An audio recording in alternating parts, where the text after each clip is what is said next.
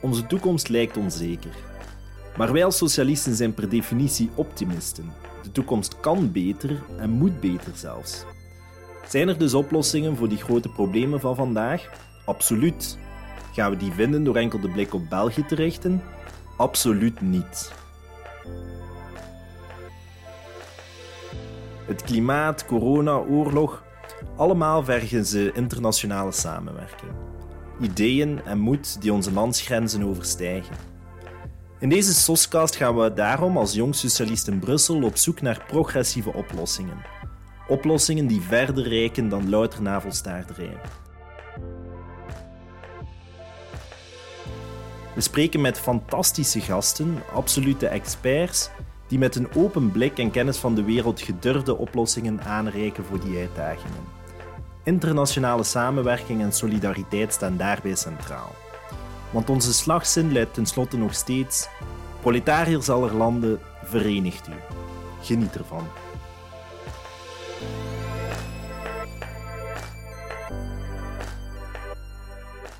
We zouden eigenlijk boven um, elk logo van de Europese Unie of daaronder moeten we twee woorden zetten. Eenheid en solidariteit.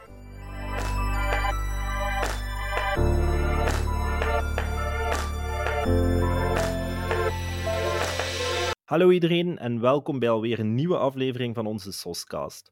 Vandaag hebben we het over Europa.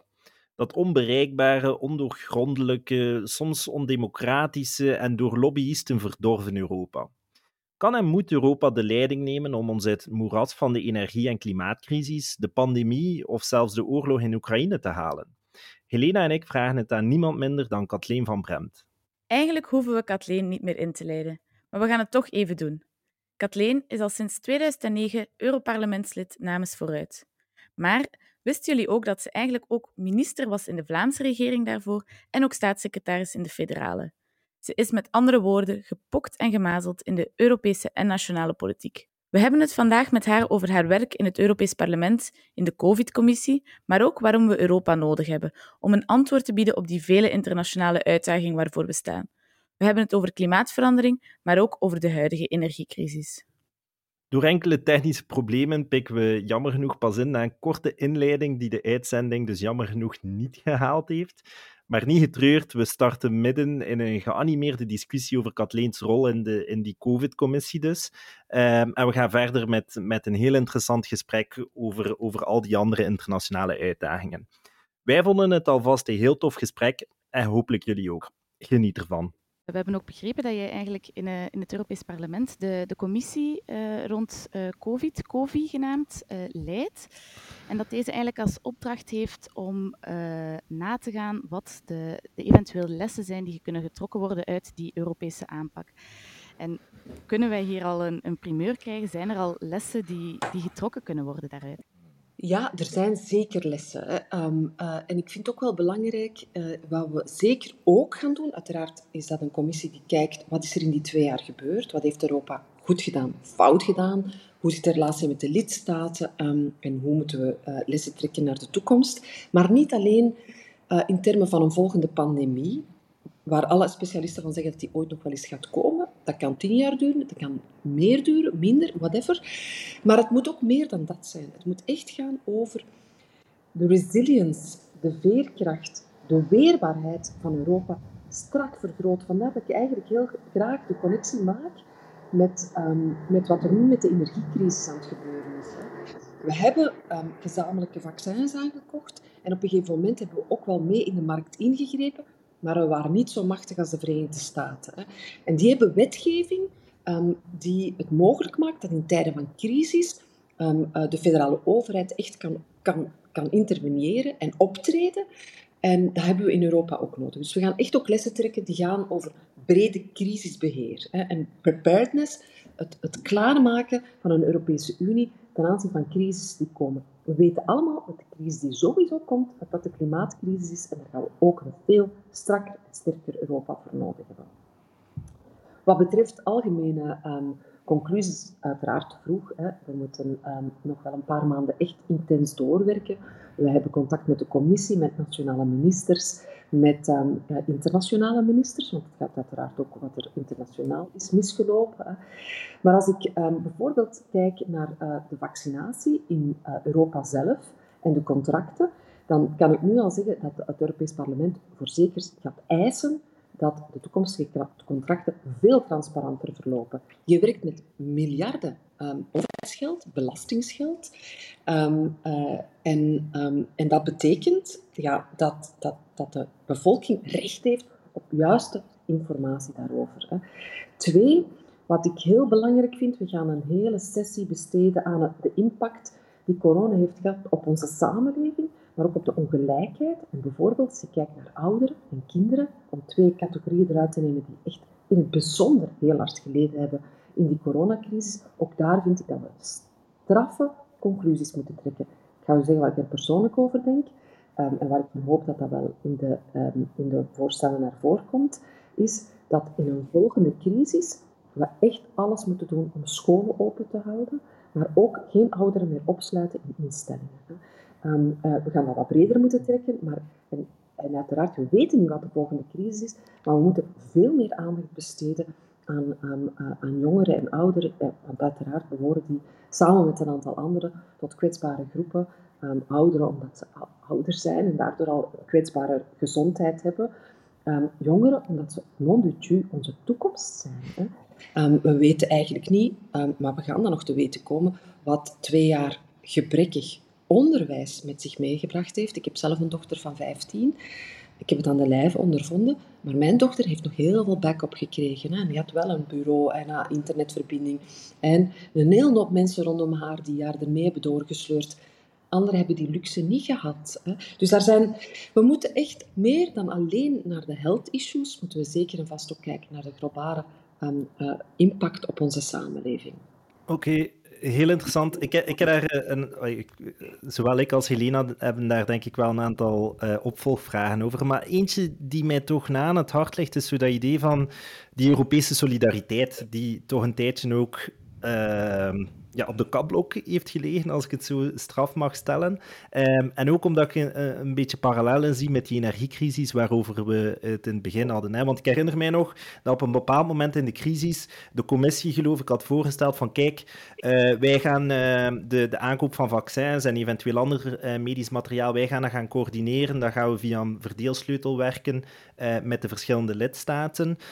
maar als puntje bij paaltje kwam, op het hoogtepunt van die crisis zag je toch wel dat uh, landen eigenlijk om de rug heen gingen van de commissie en van andere landen om rechtstreeks te gaan onderhandelen met die, met die producenten uh, van die vaccins. En het is een beetje ja, die ondermijning van de solidariteit die je ook nu ziet met eh, dat gasverhaal met Rusland en Hongarije, die dan eigenlijk los van iedereen nieuwe gascontracten een aantal weken geleden gaat gaan afsluiten met Gazprom. Dus in hoeverre kan in, in zo'n moment van crisis opnieuw die Europese solidariteit ondermijnd worden? En hoe kun je dat vermijden? Ja, heel goede, maar moeilijke vraag. Hè? Um, ik, la, laat me heel duidelijk stellen. We zouden eigenlijk boven um, elk logo van de Europese Unie of daaronder moeten we twee woorden zetten. Eenheid en solidariteit. Dat is hoe wij moeten handelen in unity en solidarity. En die twee zijn onlosmakelijk met, met elkaar verbonden. Hè. Maar heel vaak worden die wel uit elkaar getrokken. Hè. Ik ga een ander voorbeeld geven. We hebben zoveel crisissen gehad. Hè. Laat me iets zeggen over de migratiecrisis. Hè. Um, daar hebben we nog in eenheid, nog in solidariteit ooit opgetreden. Hè. Met alle gevolgen van dien. Bij ons, in Italië, maar ook in Afrika. Um, en de enige manier waarop we die crisis gaan oplossen, want het is echt heel moeilijk, is in eenheid en in solidariteit. Um, je kan niet aan de zuidelijke landen zeggen dat zij maar met de shit moeten blijven zitten omdat wij een moeilijke publieke opinie hebben. Je moet aan die publieke opinie uh, uitleggen dat je samen in Europa daarnaar handelt. Maar waarom is dat niet gelukt? Dat is niet gelukt omdat een aantal Oost-Europese landen radicaal zijn blijven tegen, tegenwerken. We weten allemaal waarom. Hè? Polen, Hongarije. Hè? Um, we, zien nu in de oorlog hè, um, dat een land als Polen En ik apprecieer dat, en ik snap dat ook. Hè. Die hebben zeer lang um, um, ja, onder de knoet van Rusland geleefd, voelen zich enorm bedreigd daardoor. Hè.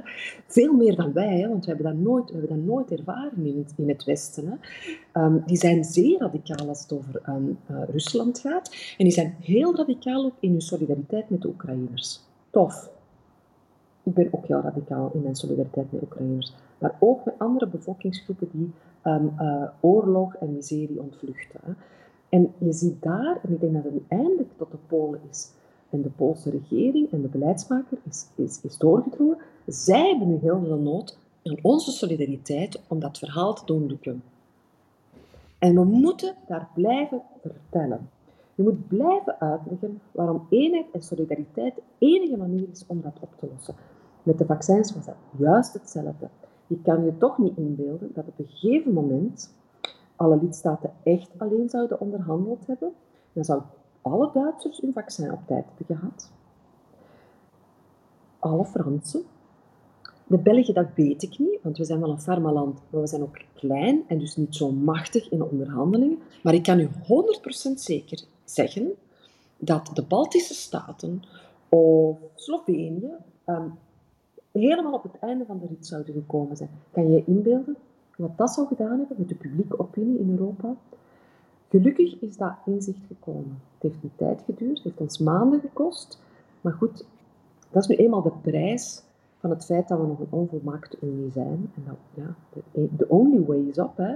Zorgen dat die Unie versterkt wordt. En dat betekent dat je vanaf nu afspreekt dat um, de uh, commissie de macht krijgt om dat soort dingen voor de hele Europese Unie te doen en dat ook naar solidariteit verdeelt. En dat is eigenlijk wel heel goed gelukt. Ik heb bijna, op, uit een paar fricties hier en daar, was er eigenlijk niemand, geen enkele lidstaat die zei, hé, maar wij hebben nog niks gekregen. De commissie heeft dat rigoureus toegepast. Zoals alleen de commissie dat kan doen. -hmm.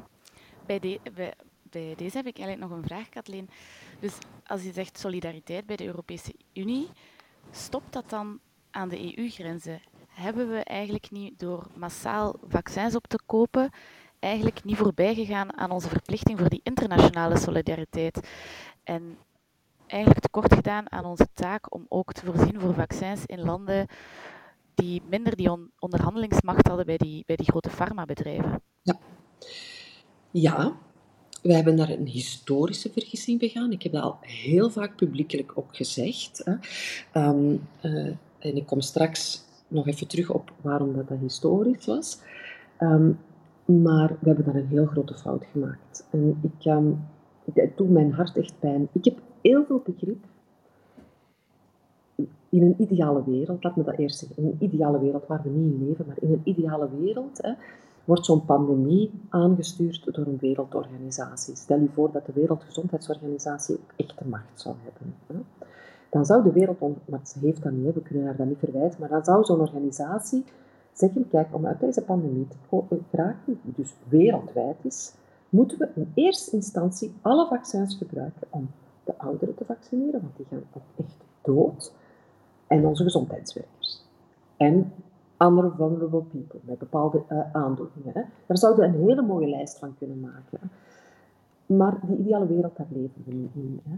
En ik begrijp uiteraard, ik ben een politica met twee voeten op de grond. Ik begrijp heel hard dat een nationale regering en, en, en daarboven de Europese Commissie in eerste instantie gezorgd heeft voor de eigen bevolking. Fair enough.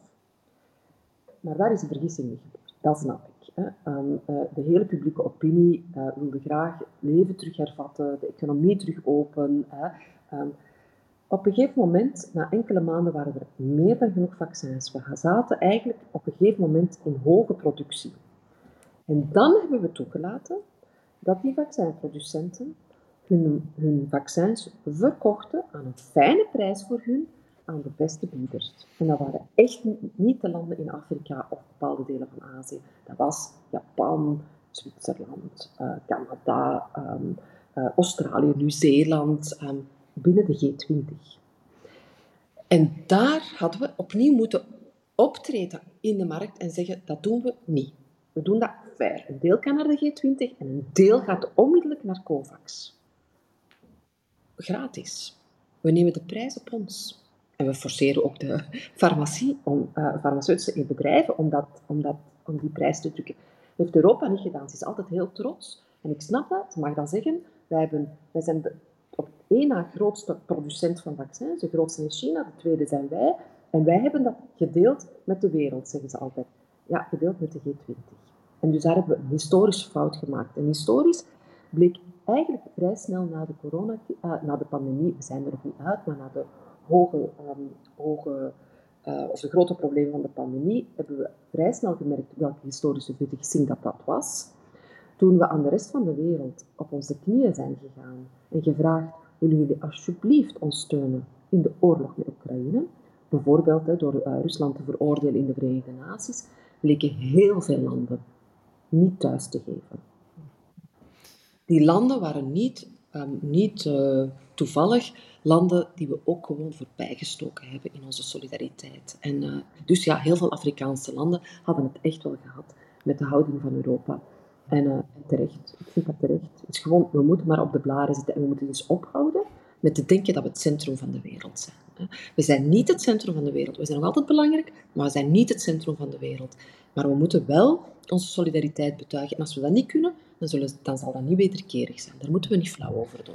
Ja, maar fantastisch interessant, uh, Kathleen. En, en uh, zeker dat laatste is iets waar ik absoluut mee akkoord ga. Uh, mm -hmm. Als je kijkt naar ja, dat idee van de wereld is verenigd tegen Rusland, dat is absoluut niet het geval. Jammer genoeg uiteraard. Maar uh, de hand in eigen boezem steken is misschien iets uh, dat we als Europa en als collectieve Westen misschien, misschien ook eens wat meer uh, moeten doen. Um, ja, heel helder, heel duidelijk allemaal. En misschien ook voor de luisteraars. We hebben ook een andere aflevering van deze SOScast, waarin we met Marleen Temmerman dieper ingaan op de COVID-19-pandemie en wat we als Westen beter hadden kunnen doen, wat de impact is geweest in ontwikkelingslanden. Oh, daar ga ik zeker naar luisteren. Ja, daar ga ik ja. zeker naar luisteren. Wanneer komt die? Uh, die komt ergens eind september online. Oh, dus, uh, ik ga, ja. ik ga ah, Zie, ik ga nog een grote fan worden van jullie. Als je dat niet al bent, uiteraard. Inderdaad. um, maar dan zullen we dit COVID-thema misschien afsluiten, want er zijn natuurlijk nog andere grote crisissen waarover we het willen hebben, want daarnet ook al over de energiecrisis. Sluit naadloos aan bij uh, klimaat, klimaatverandering en alles wat op Europees niveau gebeurt daar rond. Uh, er is natuurlijk die historische EU Green Deal geweest van de afgelopen jaren, die nu concreet wordt uitgewerkt.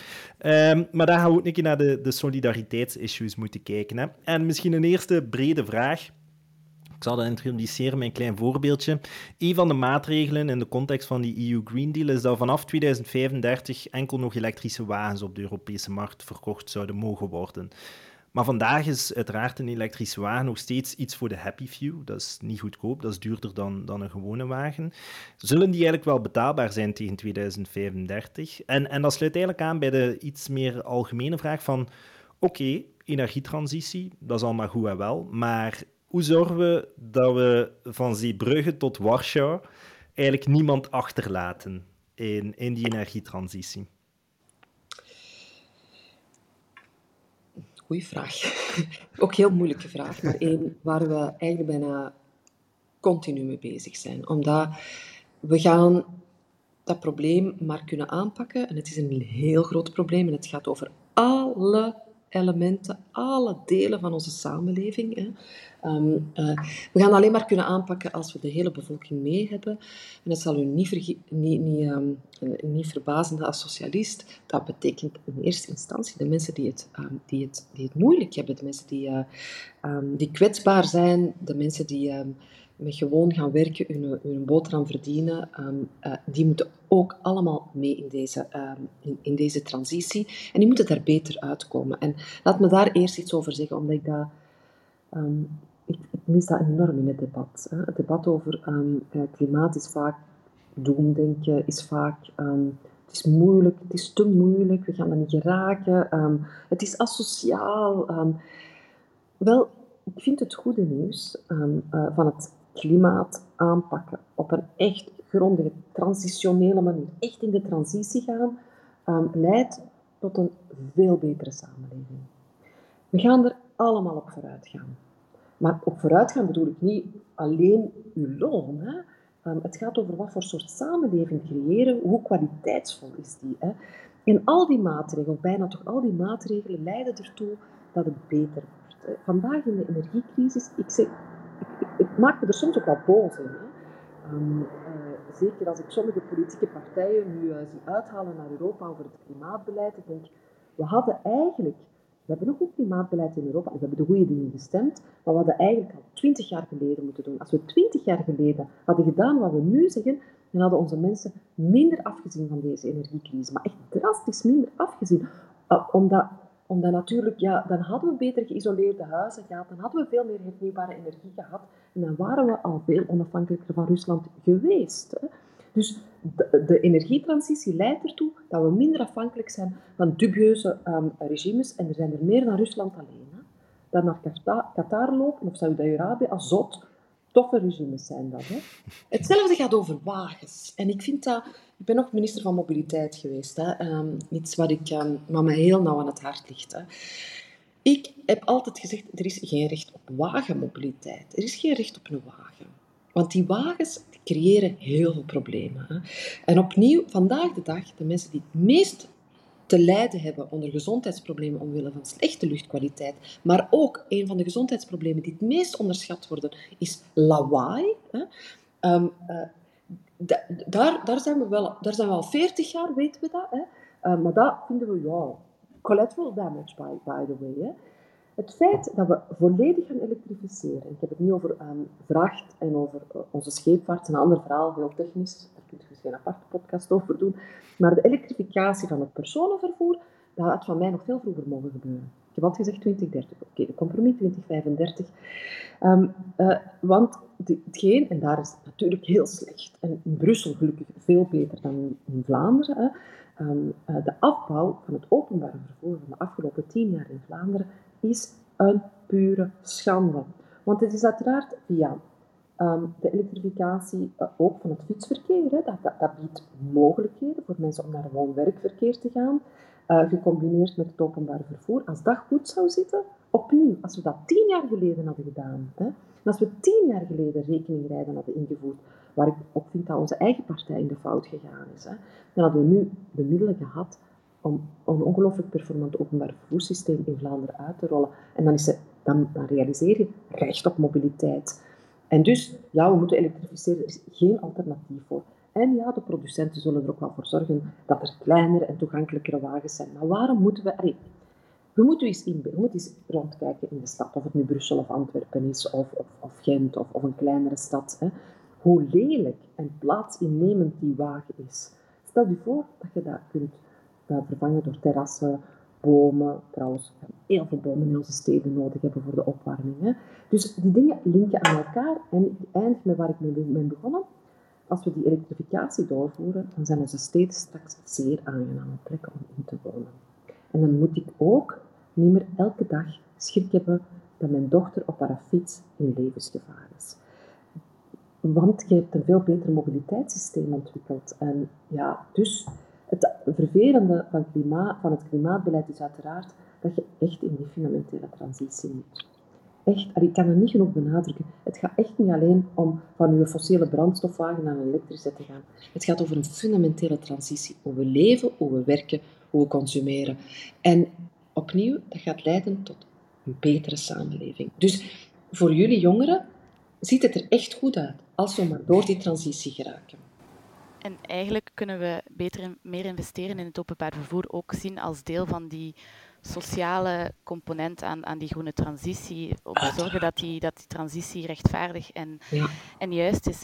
Maar, maar ook deze problematiek kunnen we eigenlijk doortrekken naar het, naar het internationale niveau. Als we bijvoorbeeld ik hoop het ook echt dat we klimaatneutraal zijn tegen 2050 als, als Europese Unie hoe zorgen we ervoor dat we niet een, een, een eilandje zijn, maar ook zorgen dat, dat dat buiten de grenzen gaat. Ik hoor nu ideeën van, van de Europese Commissie voor de, de, de CBAM, dus de Carb, uh, Carbon Border Adjustment Mechanism, die ze willen installeren om eigenlijk te zorgen dat alle producten die toegeleverd worden, um, inputstukken, dat die ook een bepaalde uh, tax op, op, uh, op CO2 moeten betalen als die niet geproduceerd zijn volgens normen hier.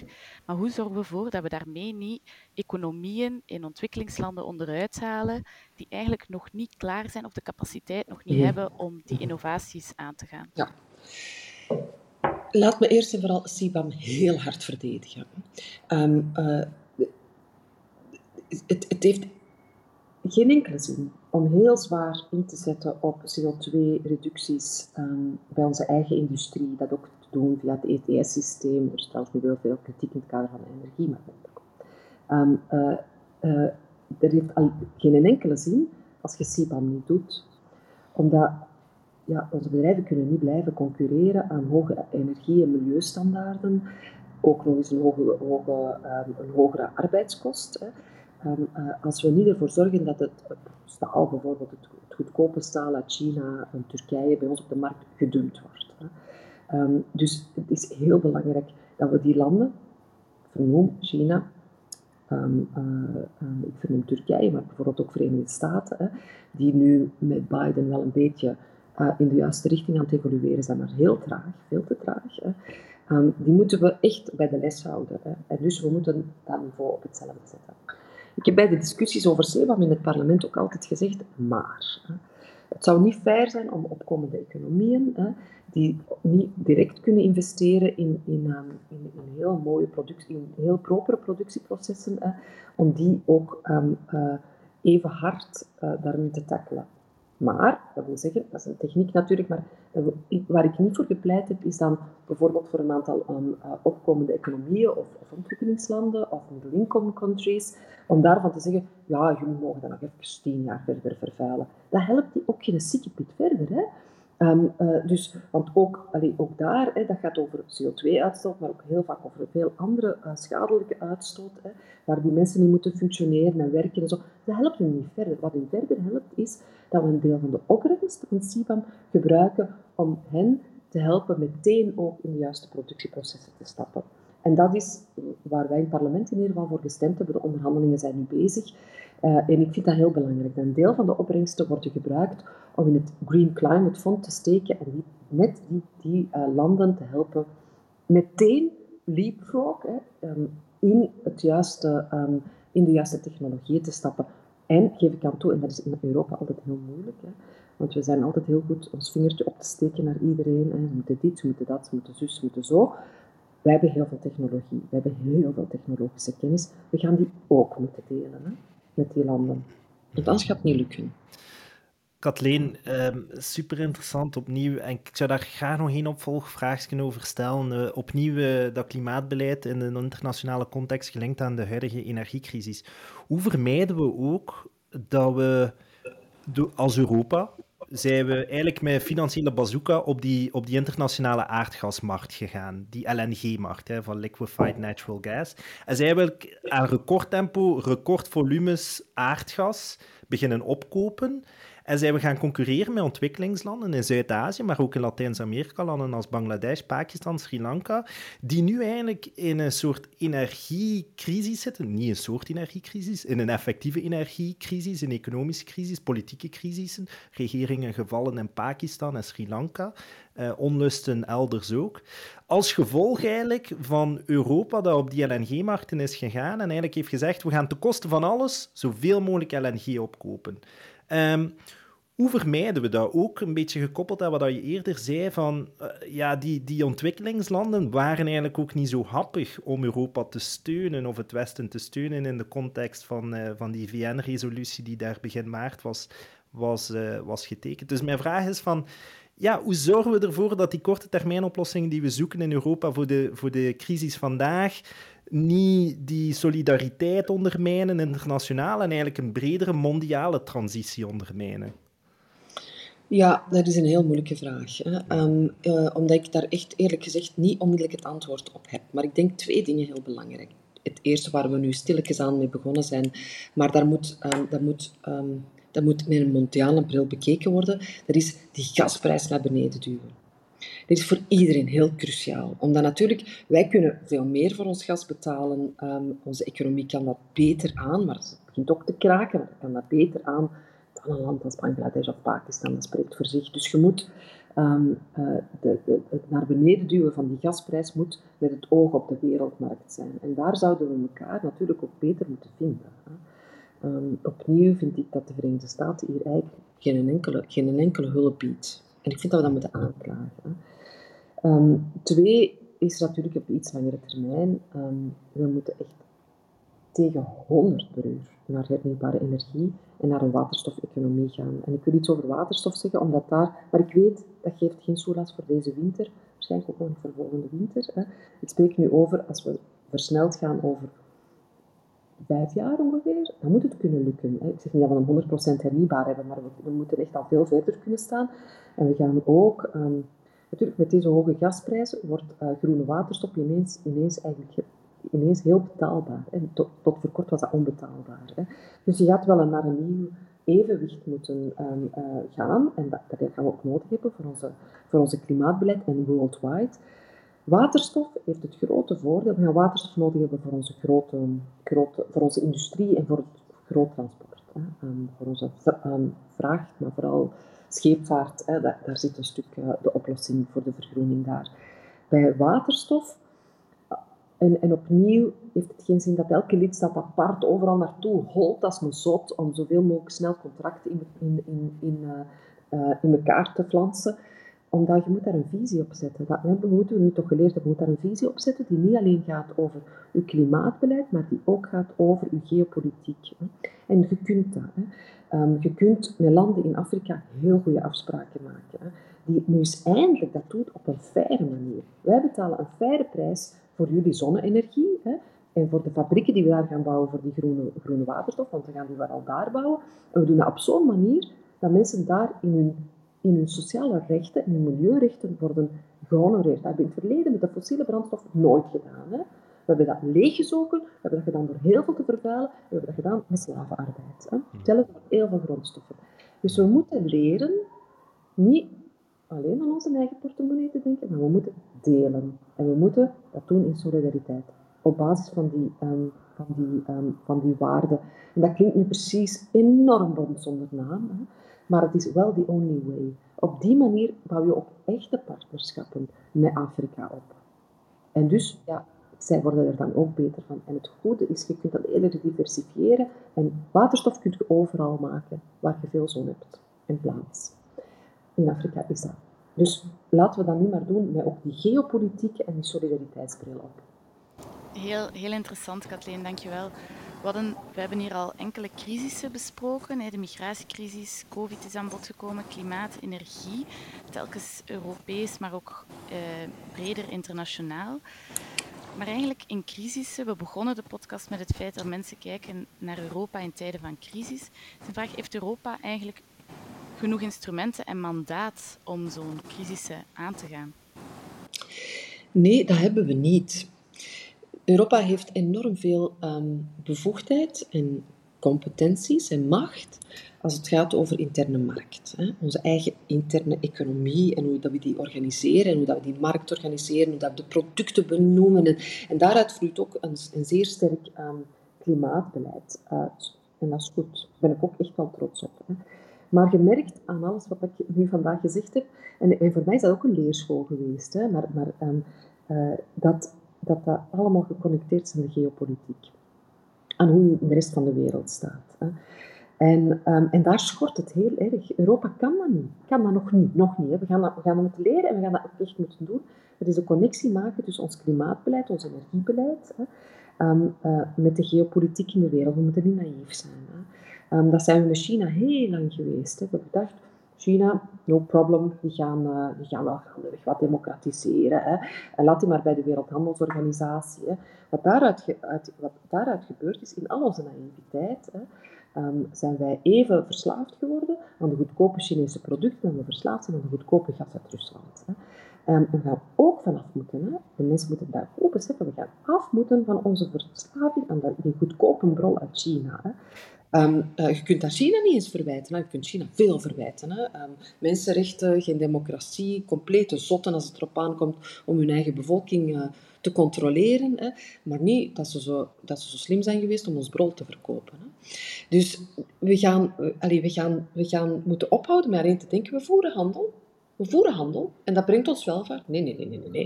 We gaan dat connecteren aan um, uh, handel op een duurzame wijze, op waarde gebaseerd en een geopolitieke bril. En daar hebben we vandaag de dag nee, niet de competenties voor. Omdat, omdat uh, buitenlands beleid, dat is een beleid van de lidstaten. En daar heeft Europa eigenlijk niks over te zeggen. Dus we hebben nog um, redelijk wat uh, hervormingen voor de boeg. En ik, ben, ik weet hoe moeilijk dat ook ligt. En je denkt in tijden van crisis, zeg, heb je niks anders te doen dan nu nog een keer te gaan hervormen op uw, op uw grondwet, op uw verdragen. We gaan dat toch moeten doen. Europa krijgt ook, vaak kritiek. Het werd aan het begin ook al aangehaald. Er zijn tegenstanders, eurosceptisme. Ja, duikt eigenlijk de kop op in, in, in alle lidstaten bijna. Vaak wordt er ook gezegd dat Europa eigenlijk een, een democratisch deficit heeft. Dat de, de commissie heeft daar eigenlijk, ja, is de enigste die initiatief kan doen uh, voor, voor wetgeving. Uh, het parlement kan dat niet. Gaat u akkoord dat er een, eigenlijk een democratisch deficit is in Europa? Ik vind dat er absoluut een democratisch deficit is in Europa, daar waar dat we um, nog met unanimiteit moeten werken in de Raad. Um, ik zou ook heel graag initiatiefrecht hebben in het parlement, maar ik vind dat echt niet het grootste probleem. Laat me dat even uh, toelichten. Um, uh, de, de Europese klimaatwet, hè, um, die is er gekomen uit, alleen maar uit druk van het parlement.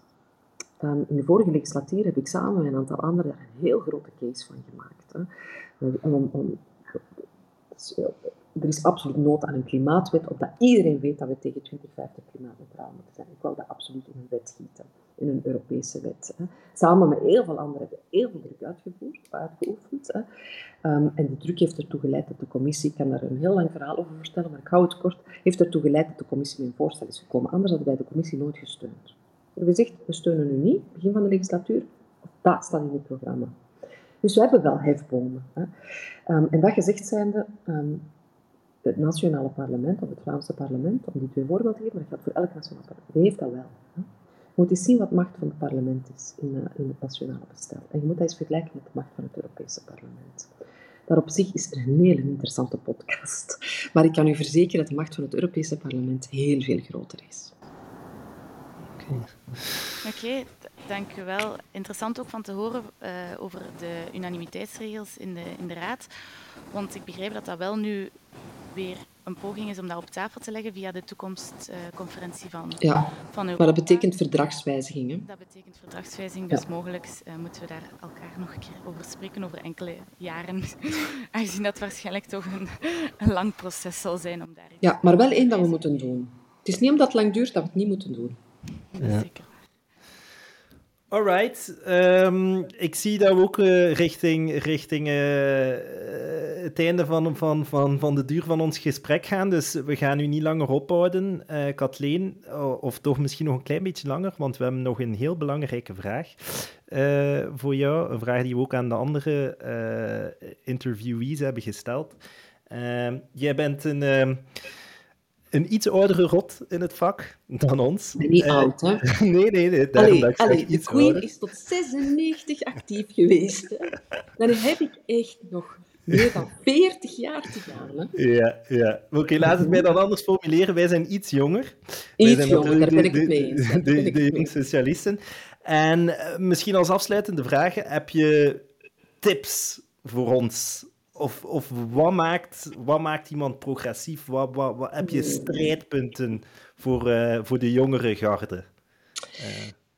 Uh, ik heb er heel veel. Maar laat me twee dingen zeggen. Eén, authenticiteit. Ik mis dat heel vaak in de politiek, in het algemeen. Hè. Niet bij bepaalde, maar ik, um, uh, ik heb dat altijd kunnen doen. Ik ben er ook heel dankbaar voor. Heel dicht blijven. Je moet soms ook echt heel strategisch dingen doen en zo. Dat hoort bij de politiek. Maar je moet wel heel dicht bij je, um, uw waarden, en bij mij zijn dat uiteraard ook socialistische waarden, ehm, blijven en bij uw manier aan politiek doen. Ik zal nooit, bijvoorbeeld, ik heb dat nooit gedaan, um, platte politiek op de man of de vrouw spelen. Uh, ik vind dat de nieuwe generatie daar ook eens goed over nadenken. Authenticiteit en op een, op een heel open, eerlijke manier aan politiek doen. En twee, duik in de transitie. Maak die transitie jullie eigen. daar gaat het over. Want um, goede socialisten of sociaaldemocraten, voor mij dat juist hetzelfde, um, moeten de bevolking leiden naar een goede toekomst, maar die moeten die toekomst ook verbeelden. Die moeten die toekomst ook kunnen verhalen. Omdat als mensen niet geloven dat het beter wordt, en het wordt beter, dat is, dat, geloof dat, het is geen pep talk, het wordt beter. Maar het is heel belangrijk dat je bevolking uh, daarin kunt meenemen. Want als het beter wordt, zijn mensen enorm veel, zijn ze bereid om veel te doen en er gaat veel gevraagd worden in die transitie. Kijk naar het Oekraïense volk. Kijk naar het Oekraïense volk. Die weten waarvoor ze strijden en zie hoe moedig dat die zijn. Kathleen, dat is een fantastisch mooie afsluiter. Niet alleen van deze aflevering, maar uh, van de volledige reeks. Dus we zouden u met veel plezier nog eens willen bedanken om deel te nemen. Bye.